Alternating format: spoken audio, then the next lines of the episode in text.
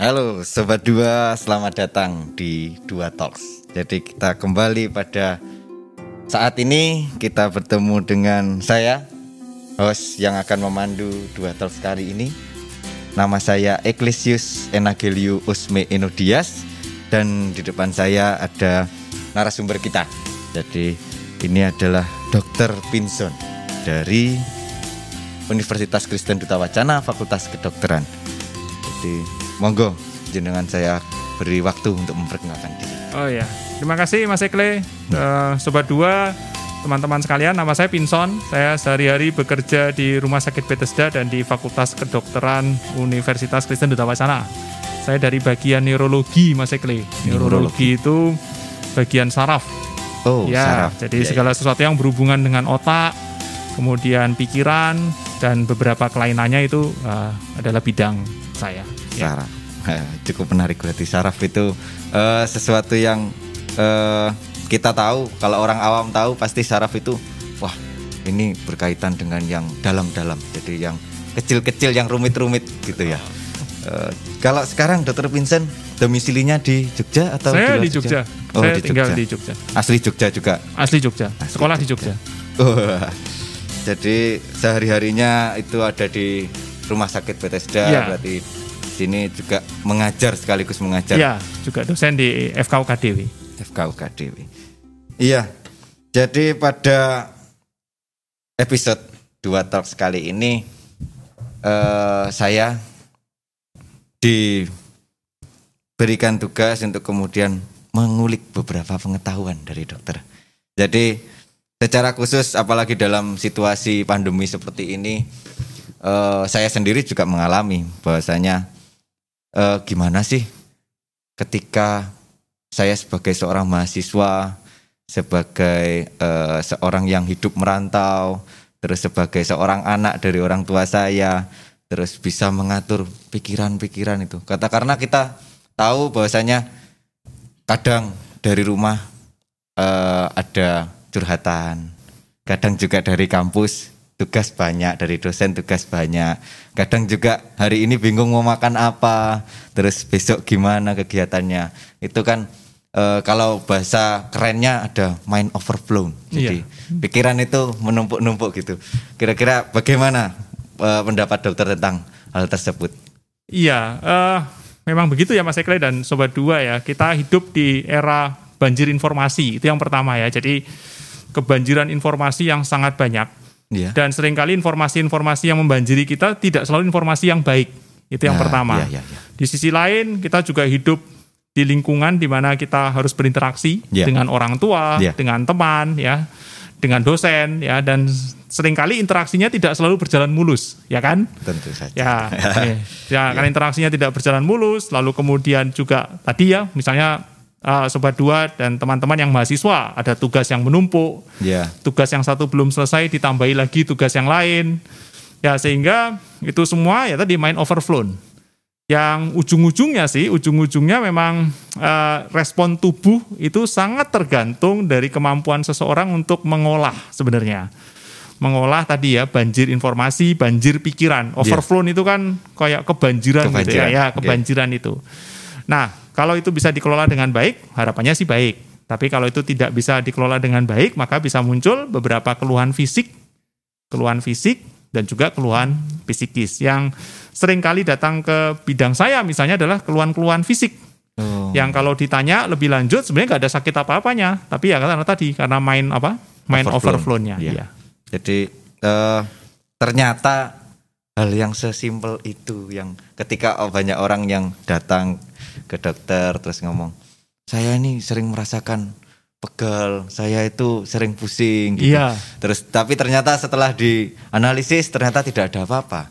Jadi itu tadi adalah ya bisa dikatakan itu pengertian dari mind overflow di mana eh, kita kebanjiran informasi itu tadi nggih. Iya.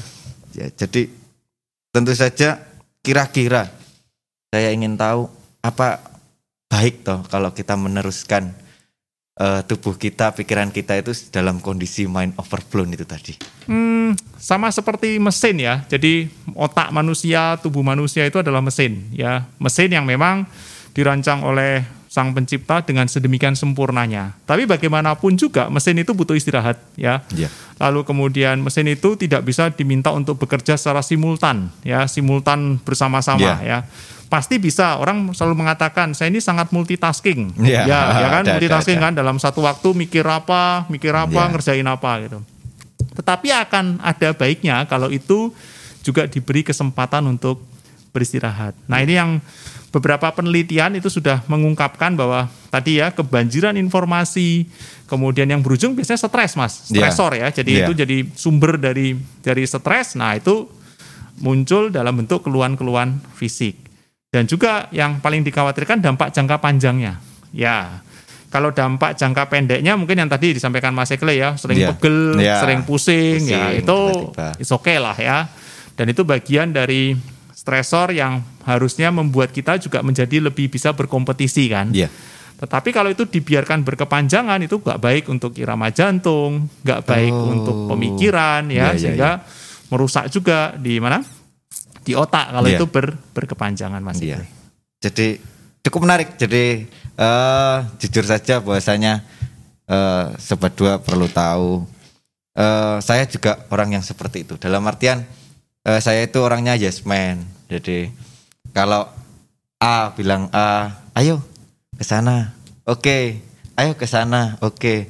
Tapi sebenarnya ternyata dalam satu hari itu yang harusnya tidurnya eh, cukup 8 jam atau berapa itu eh, akhirnya tidak cukup untuk itu. Karena saya harus memikirkan aduh temanku ini butuh bantuan saya. Oh eh, bapakku ini perlu komunikasi dengan saya seperti seperti itu. Jadi ternyata itu tadi semua eh, berpengaruh pada tubuh termasuk irama jantung itu saya belum tahu sama sekali. Jadi ternyata tubuh itu juga merespon apa yang kemudian kita pikirkan gitu jadi kira-kira kalau dalam situasi yang sedemikian rupa apa sih langkah pertama yang paling urgent bisa dilakukan untuk kemudian setidaknya meredakan atau membendung banjirnya informasi itu tadi? Iya, jadi ya tadi ya seperti yang kita diskusikan tadi, memang mind overflow itu berdampak buruk kalau tadi berujung pada stresor. Oh. Sama seperti yang tadi Mas Ekle sampaikan itu kan over commitment ya. Jadi Iya. semua orang yang ngajak jawabannya ya, Iya, ya, ya, iya, gitu iya. ya. Lalu tiba saatnya semua menagih, ya Iya, kan? iya, menagih iya. ya, ya kita itu. Di satu sisi misalnya hari ini kita janjian untuk siaran gini ya. Di sisi lain kita mengiyakan ajakan seorang teman. Nah, Iya. ketika itu berbenturan kan pasti muncul stresor ya. Lalu kalau itu semua kita turuti pasti berakibat buruk. Karena tadi ya, stresor yang tinggi itu menaikkan suatu zat di dalam tubuh yang namanya kortisol. Kortisol yang tinggi itu merusak, merusak otak, merusak jantung dan kortisol. sebagainya. Nah, eh, di sisi lain itu baik kalau dalam jumlah yang terbatas. Itu bagian dari orang berkompetisi kan. Iya. Orang itu berkompetisi butuh itu. Tapi kalau berkepanjangan tidak bagus. Nah kembali ke pertanyaan Mas Ekle, eh, Sobat Dua. Jadi apa yang bisa dilakukan? Ada satu teknik yang kita sebut dengan mindfulness. Ya, mindfulness. Artinya itu kebalikan lah dalam tanda kutip dari mind apa? Mind, Mind overflow. overflow. Ya, bagaimana kita bisa melakukan? Ya, pertama menarik diri dulu sesaat ya dengan semua hiruk pikuk tadi ya Ya. yang kita sebut hiruk pikuk itu menarik diri dulu sesaat. Ada banyak tekniknya menarik diri sesaat kemudian baru kita kalimat bahasa Inggrisnya itu bagus ya. Mindfulness itu adalah persen present and aware. Jadi dia hadir dan menyadari, iya. menyadari kehadirannya itu present and aware gitu ya. Nah, aware-nya bahwa ini semuanya saat ini ya present. Iya, jadi sekarang. bukan hal yang masa lalu Iya. ya, tidak mencemaskan yang besok Iya. belum tentu apa Belum uh, tentu ada terjadi gitu juga. ya terjadi ya lalu kemudian saat ini aware lalu kemudian ya memprioritaskan dari semua kebanjiran Ya. tadi mana yang harus saya kerjakan. Iya.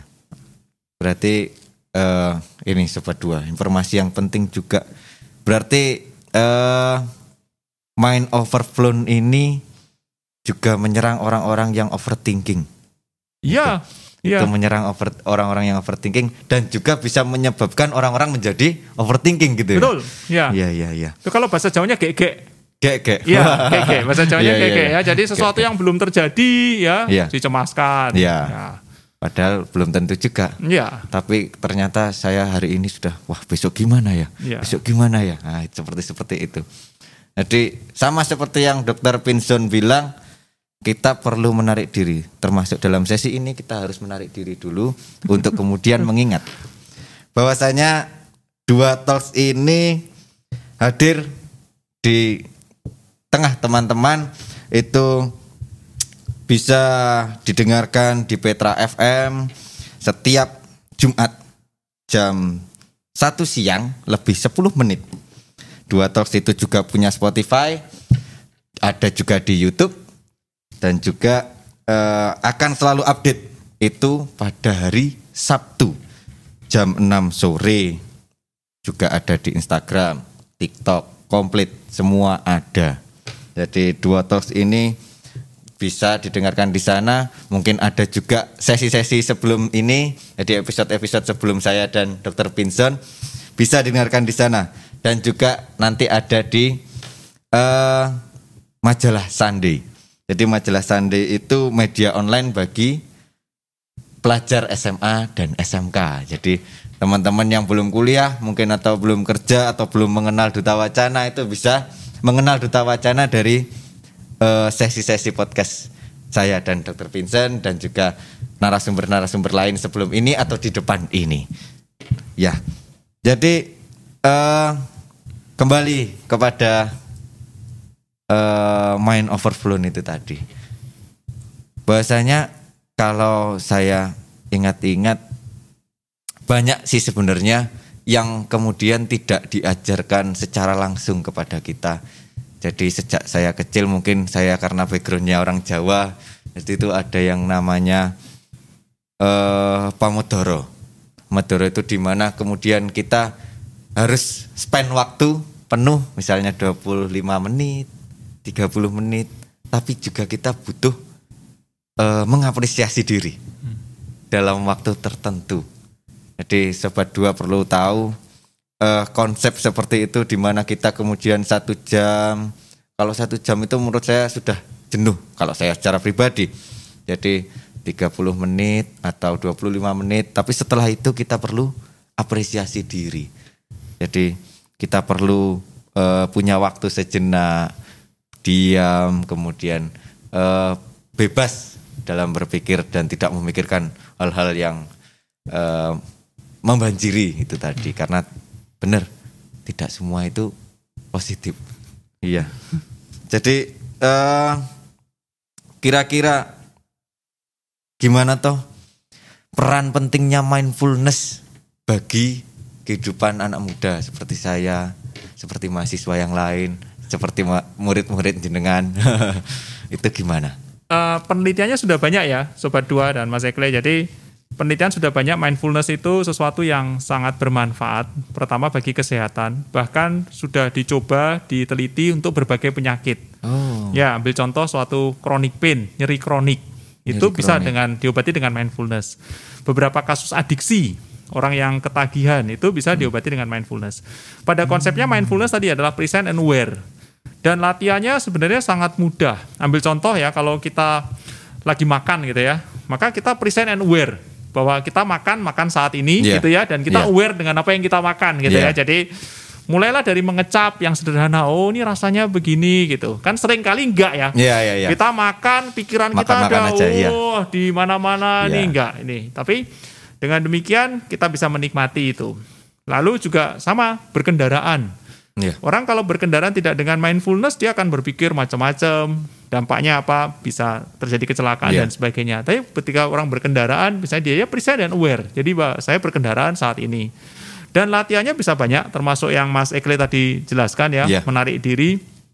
Dan latihan-latihan yang lain yang lebih mudah ya tadi, misalnya mengecap, mengecap, merasakan itu, atau breathing. Breathing, itu Breathing, ya bernafas. hanya bernapas Nggih. saja inhale, exhale gitu ya apa, menghirup, mengeluarkan, menghirup, mengeluarkan. Dan itu kembali ke pertanyaannya memang sangat bermanfaat. Dan memang kalau kita lihat ya, maka acara ini bagus sekali. Iya. Kan itu bukan sesuatu yang diajarkan secara formal. Iya. Ya kan kita Iya, nggak iya, pernah iya. itu Iya, apa eh, mata kuliah apa anu khusus Iya. mindfulness ya tidak ada. Padahal di kehidupan, di kehidupan kita ada masanya kita itu kebanjiran sedemikian informasi yang membutuhkan lalu kita sedikit menarik diri Ya. ya kemudian untuk kembali melangkah. Saya pikir sih mundur 10 langkah untuk maju 1000 langkah ke Iya. depan dengan lebih baik. Mungkin itu Mas. Iya. Jadi ternyata ya obrolan-obrolan kecil kita ketika kita ketemu teman yang kadang kalau kita balik ada ngelihat berita, wah di sana di sana ada kecelakaan, oh di sana ada solar tumpah misalnya. Terus kemudian teman kita ada yang nyaut, gimana ya kalau gini ini nih. Tapi kemudian ada yang nyaut pasti, wes nggak usah dipikir, nanti daripada kejadian. Nah jadi seperti itu ternyata itu salah satu wujud mindfulness yang Iya, iya. eh, minimalis gitu ya. Eh, jadi yang sudah ternyata ada dikemas dalam eh, hubungan-hubungan kecil mungkin teman-teman yang ada di sobat dua yang sedang mendengarkan sesi ini mungkin pernah mengalami itu. Ah jangan dipikir nanti malah kejadian.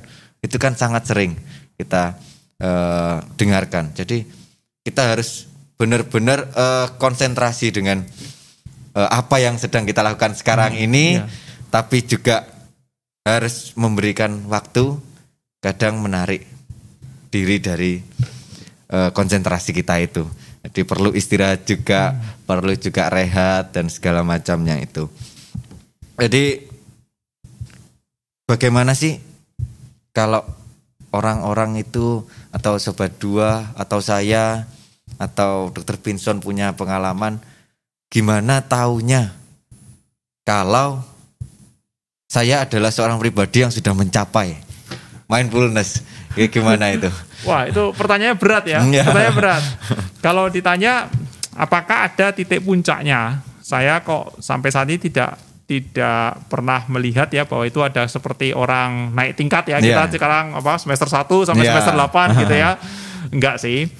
Dan semuanya adalah proses ya, semuanya adalah proses. Dan kalau sobat dua misalnya mau belajar itu ada beberapa cara yang memang mudah ya, yang seperti tadi ya inhale, exhale. Iya. Biasanya pada waktu inhale itu kita bilang saya akan menyerap semua kebaikan dari dunia gitu ya. Ya. Hmm. Dan pada waktu exhale saya mengatakan bahwa saya mengeluarkan hal-hal yang Baik. yang bu, yang apa yang baik dan sebagainya ya.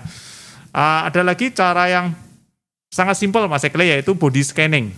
Body, Body scanning. scanning. Ya, jadi pada waktu kita tidur malam gitu, Ya. sebelum tidur gitu kita berbaring telentang gitu ya. Lalu kita mengatakan bahwa saya menyayangi tubuh saya dari mulai Oh, kepala iya, iya, termasuk pada bagian-bagian yang sakit. Misalnya kita sakit ya di iya, iya. suatu lengan, lengan Iya. kita tuh apa? Eh, mungkin karena banyak nulis atau banyak kerja itu nyeri ya. Kita Iya. sampai pada lengan itu lalu kemudian kita mengatakan oh engkau baik-baik saja dan sebagainya. Itu tuh itu banyak terapi yang untuk tadi yang saya sampaikan untuk kasus-kasus nyeri. Iya. Itu ternyata apa? eh, bermanfaat. bermanfaat. Iya, jadi ya itu tadi karena gimana ya? Bener, saya setuju dengan dokter Vincent bahasanya kalau kita semakin hari hidup di dunia, hidup di kelas, juga di tempat kerja atau di rumah bersama keluarga itu pun ternyata tidak semakin simpel ya. Jadi semakin kita bertambah usia, hidup itu tidak semakin simpel mungkin. Jadi saya juga merasakan dari dulu SD cuman hahaha terus SMA juga masih bisa hahaha ternyata kuliah hihinya dan hahanya semakin sedikit gitu. Ya, jadi mungkin dokter Vincent juga eh, mengalami bahwasanya semenjak jadi dokter terus eh, merasakan kok eh, jarang ada waktu buat duduk santai gitu. Mungkin ada kadang dokter juga berpikir seperti itu. Saya juga kadang berpikir kalau tugas gini terus kapan saya duduk ngopi dengan santai? Jadi seperti itu. Jadi memang eh, yang namanya mindfulness itu tidak bisa tergapai dan berhenti di situ gitu ya Ya, saya pikir memang perlu terus-menerus diasah ya. Itu yang penting. Lalu kemudian juga tidak ada degree ya, tidak ada orang juga tidak perlu lah Iya. apa diberikan ini master of mindfulness Iya, dan iya, sebagainya. iya, iya. Saya pikir itu tidak penting. Kenapa? Karena tujuan itu kan buat kita ya. Tujuan itu buat sobat dua. Jadi ketika Anda bisa mengatur pikiran kita dengan lebih baik, mengerjakan hal-hal sesuai skala prioritas ya, tidak over komitmen dalam Iya. artian yang baik ya misalnya bukan berarti kita nggak boleh bantu orang enggak Iya. tapi tidak over komitmen Iya, iya, dalam iya. artian yang baik Maka penelitian-penelitian juga mengatakan bahwa tugas-tugas kita akan selesai dengan lebih baik Iya. ya. Ambil contoh aja Mas Ekle sering kali ya eh, yang paling sering kan kalau kita lagi nggarap sesuatu ya, Iya. kita lagi ngerjain ini tugas nih gitu ya. HP ini di samping kita. Iya. Kita punya grup WA berapa gitu Iya, ya. Nah, banyak. dan grup WA-nya selalu bunyi gitu Iya. ya dan kita nanggapin. Maka tugas kita Akhirnya- tidak selesai. Iya, tidak Muncul selesai. tugas baru lagi, tugas baru dan itu semua ya overflow ya. Tapi kalau Iya. kita bisa tadi ya present and aware gitu ya, maka bahwa saat ini ya ini yang saya kerjakan, saya menikmati apa yang apa Yang sekarang saya ini. kerjakan, saya mengambil diri sendiri untuk beristirahat, untuk membersihkan dan itu tidak butuh waktu banyak ya. Iya. Jadi ambil contoh yang body scanning itu paling 5 menit. Oh. Yang inhale dan exhale tadi Iya, ya itu 5 10 menit. Iya. Jadi latihan-latihan mindfulness itu bukan sesuatu yang membutuhkan Bukan yang, waktu iya, oh, yang rumit dan rumit, eh, panjang. ada rumusnya atau enggak sih iya. enggak enggak dan di era sekarang banyak sekali apa eh, apa channel-channel yang menyebarkan itu bisa Oh. kita ambil ya banyak Iya, juga iya. buku apa yang bisa kita baca untuk latihan sederhana tadi Iya. Ya.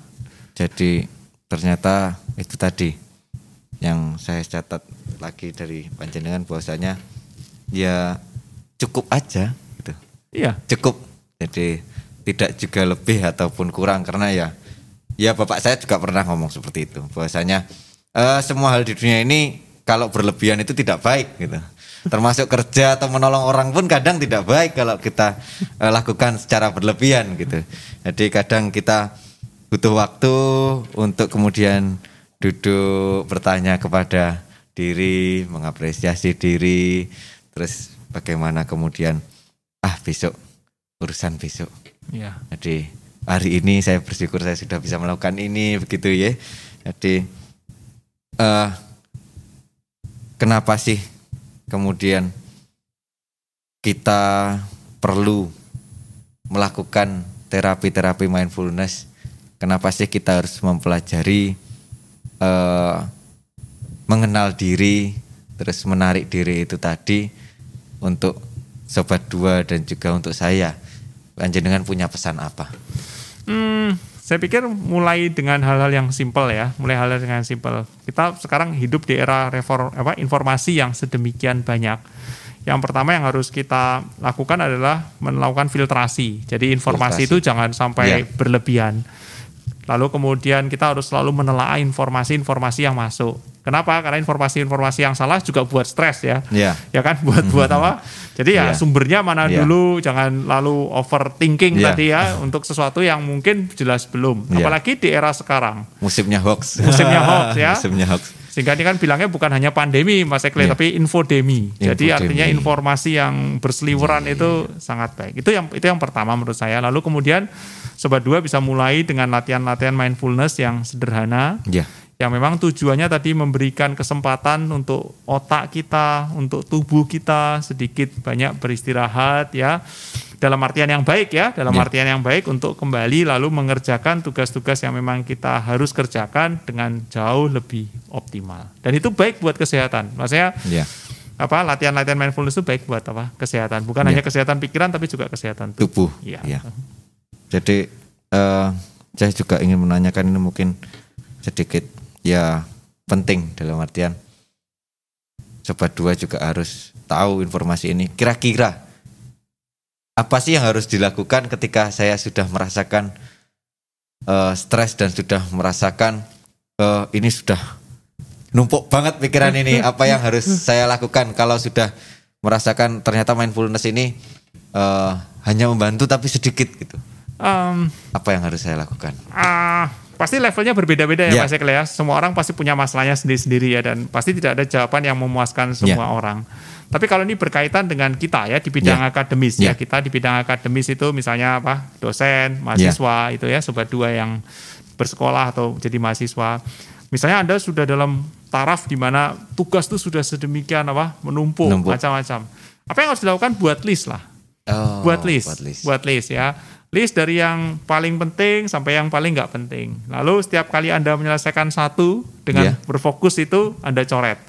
Lalu sampaikan pada diri anda bahwa oh saya sudah menyelesaikan satu ya, tinggal sekian lagi, ini satu Iya. sekian lagi. Tapi itu jawaban yang sangat generik yang tidak bisa berlaku untuk semua orang. Termasuk mungkin pada beberapa kasus harus meminta bantuan profesional, Ya. ya harus minta bantuan psikolog dan Ya. sebagainya untuk untuk apa beberapa kasus atau membagi, mendelegasikan itu juga Ya. penting. Jangan salah beberapa uh, aktivis ya mahasiswa itu main overflow-nya karena tadi tidak bisa mendelegasikan Ya. yang harusnya bisa didelegasikan buat temennya ya sudah didelegasikan Iya. aja buat temennya. Bagi saya misalnya sesuatu yang bisa saya delegasikan buat mahasiswa saya, saya akan delegasikan Iya. tidak tidak perlu semuanya apa dijawab iya tadi. Iya, tidak semua dijawab ya. Ya itu cukup eh, menampar saya. Jadi memang eh, waktu itu terus berjalan kan begitu. Iya. Jadi tapi kalau kita jalan terus juga kadang kalau lelah keserempet sama waktu itu sendiri, Iya, tersandung waktu iya, itu iya. sendiri. Tapi kalau kita berhenti, kita juga akan tertinggal sama Iya. waktu itu tadi ya berarti. Bahasanya eh, kira-kira kalau saya bicara begini eh, daripada kita lari itu akan lelah eh, daripada kita berhenti kita tidak dapat apa-apa ya berjalan saja ya Ada satu cerita yang menarik ya sobat dua dan Mas Ekle ya. Ada seorang apa ya namanya? tukang potong pohon itu. Oh, potong ya, pohon, ya. potong pohon. Dia kerja terus keras, keras, keras, keras. Sementara dia lihat temennya yang lain itu kalau siang itu duduk gitu ya, Iya. terus ngasah kampaknya gitu. Ternyata apa? Yang dipotong dengan dia dibandingkan temannya yang mau mengambil waktu untuk duduk dan mengasah kampak itu jauh lebih banyak banyak yang tadi sempat duduk dan mengasah Iya. kampak. Kenapa? Karena jadi tajam kan kampaknya. iya Ya, mungkin seperti itu. Kita tetap harus mengambil diri sebentar iya, iya, iya. untuk beristirahat ya, mindfulness tadi Iya. ya, ya, bermeditasi, beristirahat, berdoa. Bagaimana lah caranya untuk kemudian setelah melakukan itu ya tadi kita bisa lebih optimal dalam mengerjakan tugas-tugas kita dibanding tadi ya kita lari Iya. terus iya mau lelah sampai kapan ya toh? Iya. Sementara benar kata Mas Ekle kalau kita berhenti nanti apa-apa. ketinggalan nggak Iya, dapat apa-apa ya. Jadi mungkin ada waktunya kita harus lari sprint tapi Iya. di sisi lain mengambil waktu untuk apa? beristirahat. Ya, eh, terima kasih banyak Makasih, untuk informasi yang Dr. Vincent sampaikan di sesi dua talks sekarang ini. Kiranya informasi pengetahuan yang kita obrolkan di sini, saya dengan Dr. Vincent bisa menjadi pengetahuan juga bagi sobat dua di mana pun sobat dua berada. Jadi terima kasih juga sudah mendengarkan. Eh, sampai jumpa di episode berikutnya di hari dan jam yang sama.